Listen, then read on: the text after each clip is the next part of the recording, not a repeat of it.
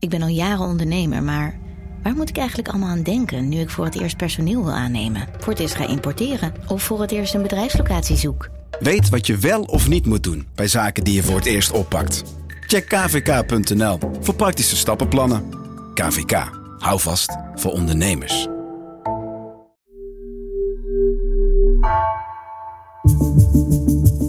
Vanaf de redactie van NRC het verhaal van vandaag. Mijn naam is Egbert Kalsen.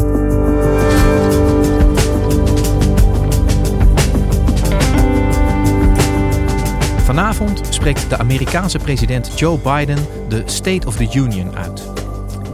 In deze jaarlijkse toespraak vertelt hij over de stand van het land, maar Amerika-watchers zullen de toespraak dit jaar vooral scannen op aanwijzingen over de toekomst van de president zelf. Amerika-correspondent Bas Blokker zit klaar met zijn laptop en zoekt naar hints. Is dit de laatste termijn van Joe Biden?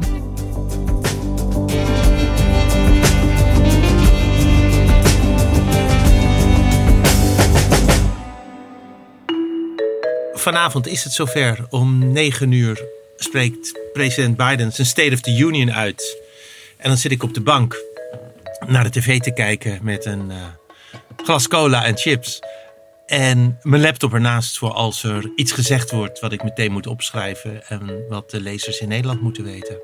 De State of the Union, het is natuurlijk het is de Amerikaanse troonrede. Elk jaar moet de president het congres vertellen hoe het er met het land voor staat.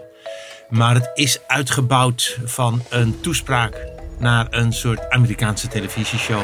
Members of Congress, I have the high privilege and distinct honor of presenting to you the President of the United States.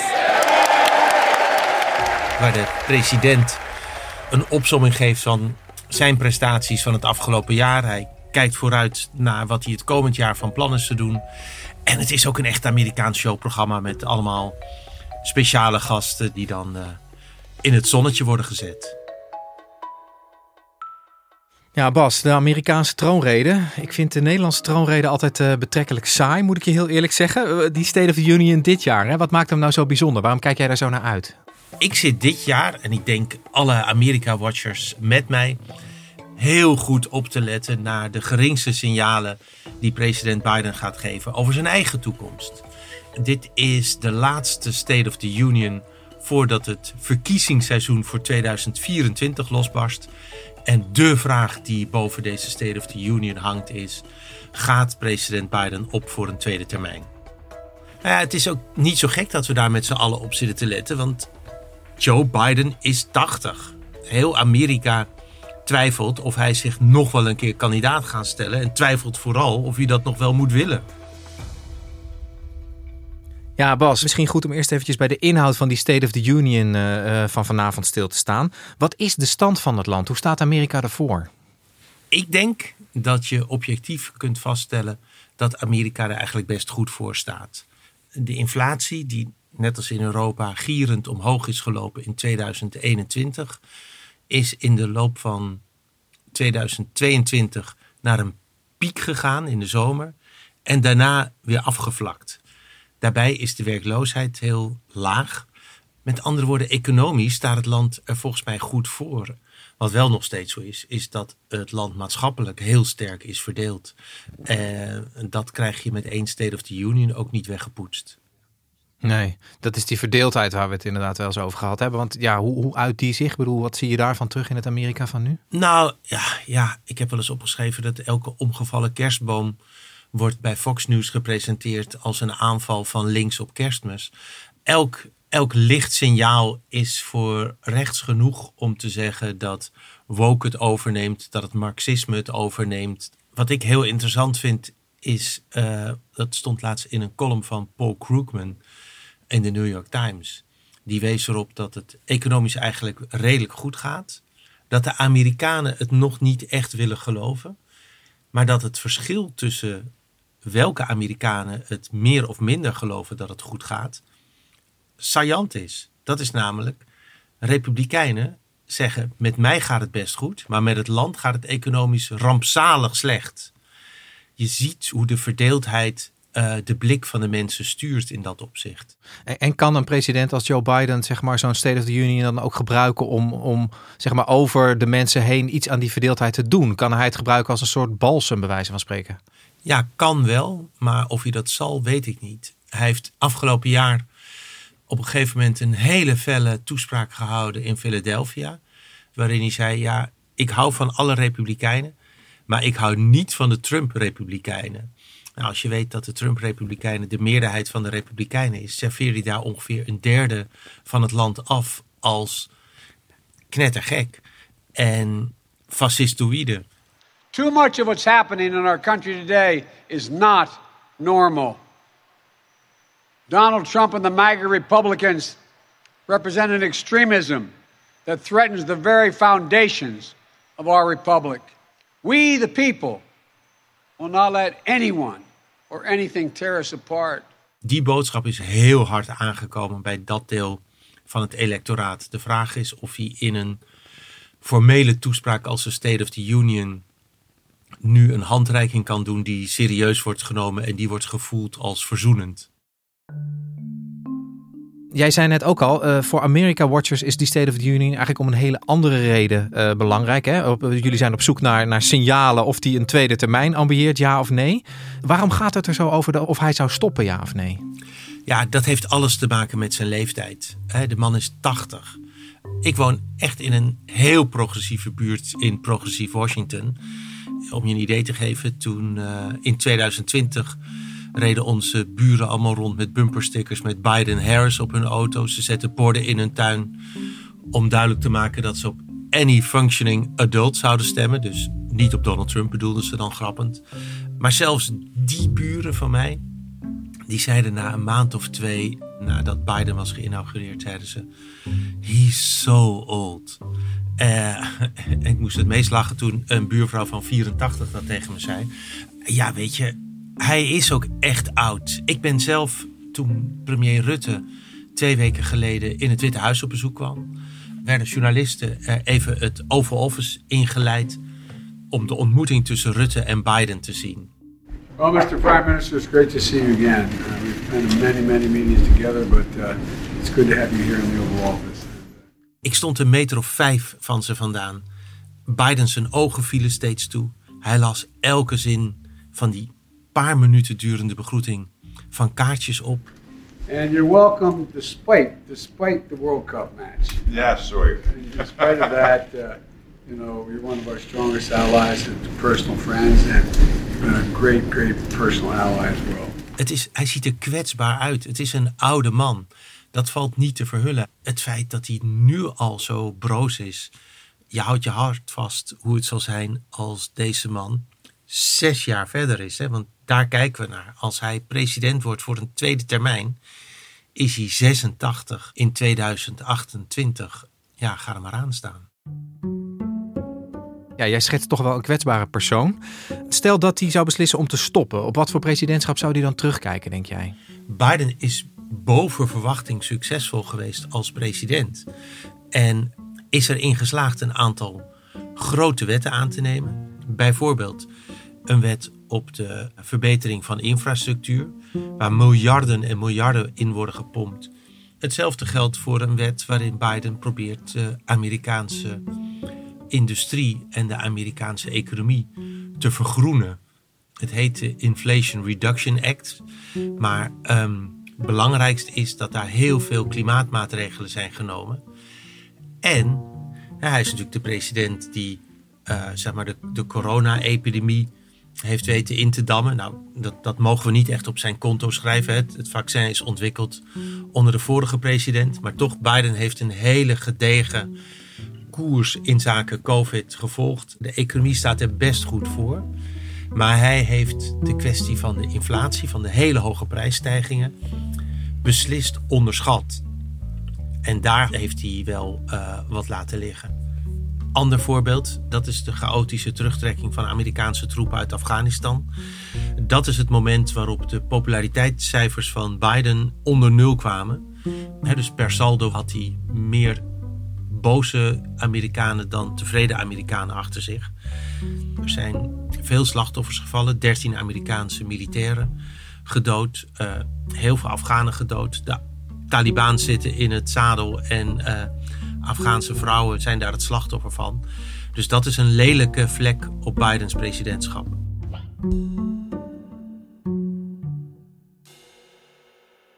Ja, Bas, een, eh, een, een, gemengd beeld, maar positiever dan, uh, dan aan het begin verwacht, zouden we kunnen vaststellen, denk ik, hè, over het presidentschap van Biden. Ja. Wat zou er nou gaan gebeuren als hij zou besluiten om weg te gaan, als hij niet voor een tweede termijn op zou gaan? Ja, ik denk dat zich op dat moment voor de Democraten een heerlijk vergezicht opent.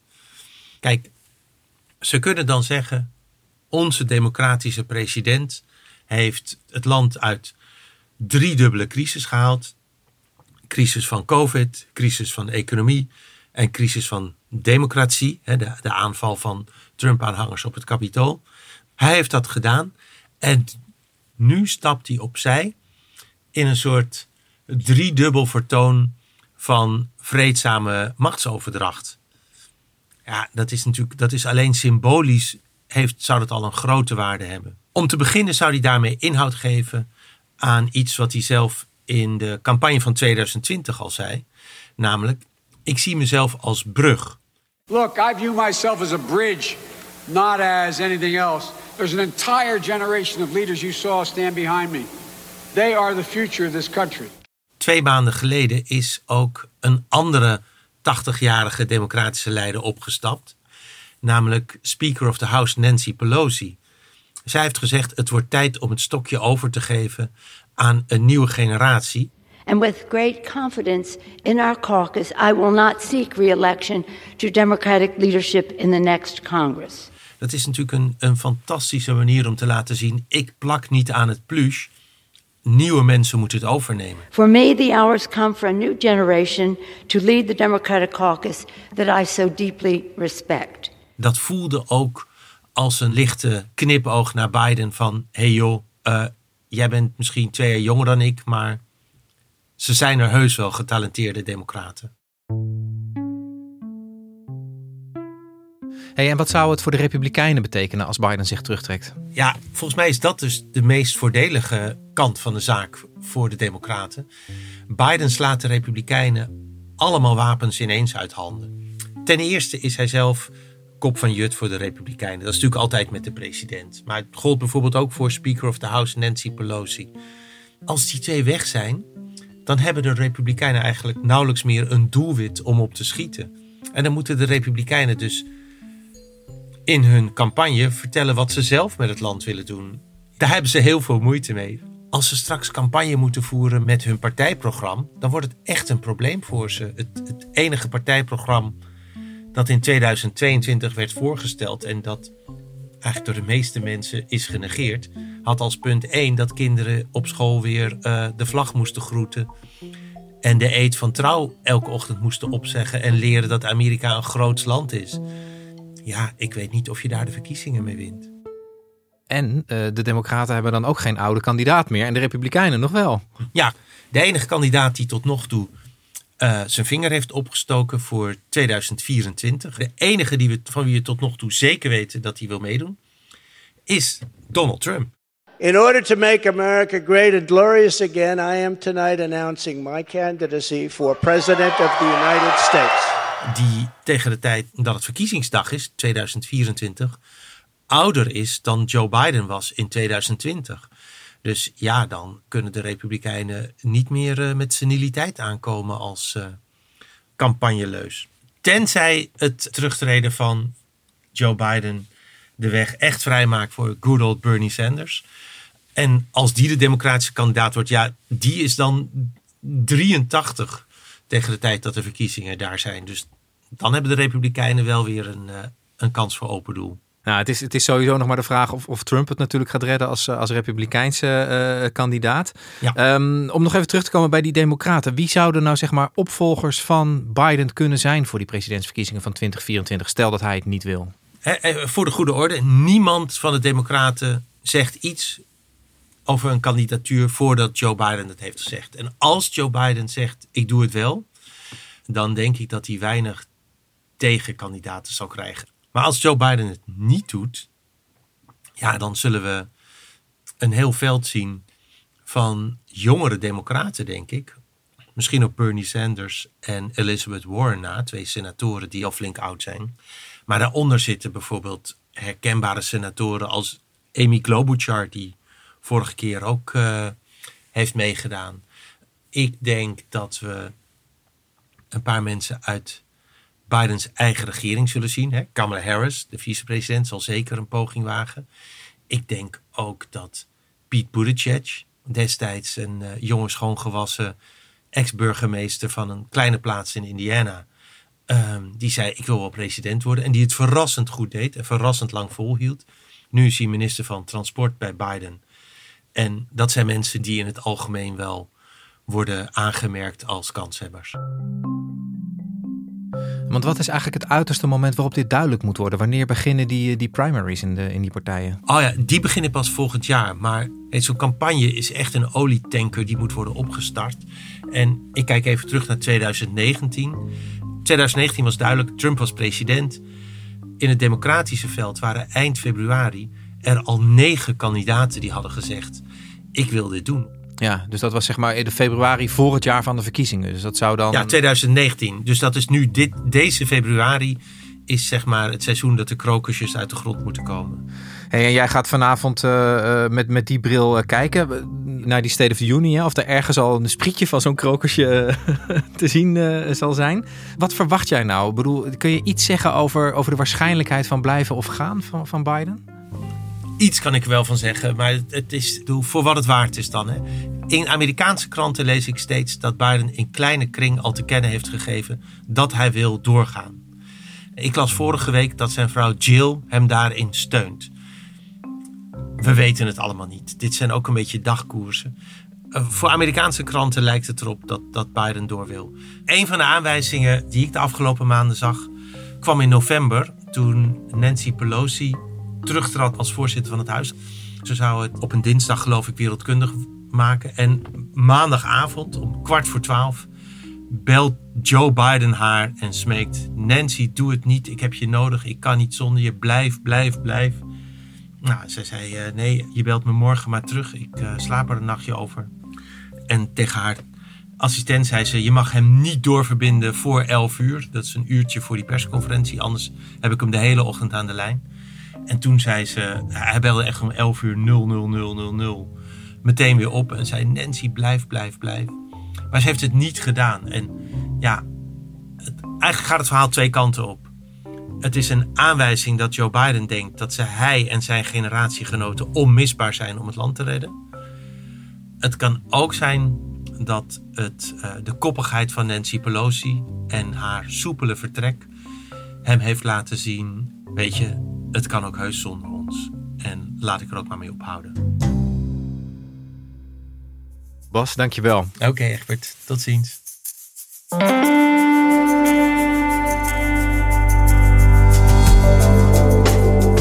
Je luisterde naar vandaag, een podcast van NRC. Eén verhaal, elke dag. Deze aflevering werd gemaakt door Nina van Hattem, Iris Verhulstonk en Jeroen Jaspers. Coördinatie Henk Ruigrok van de Werven. Dit was vandaag. Morgen weer.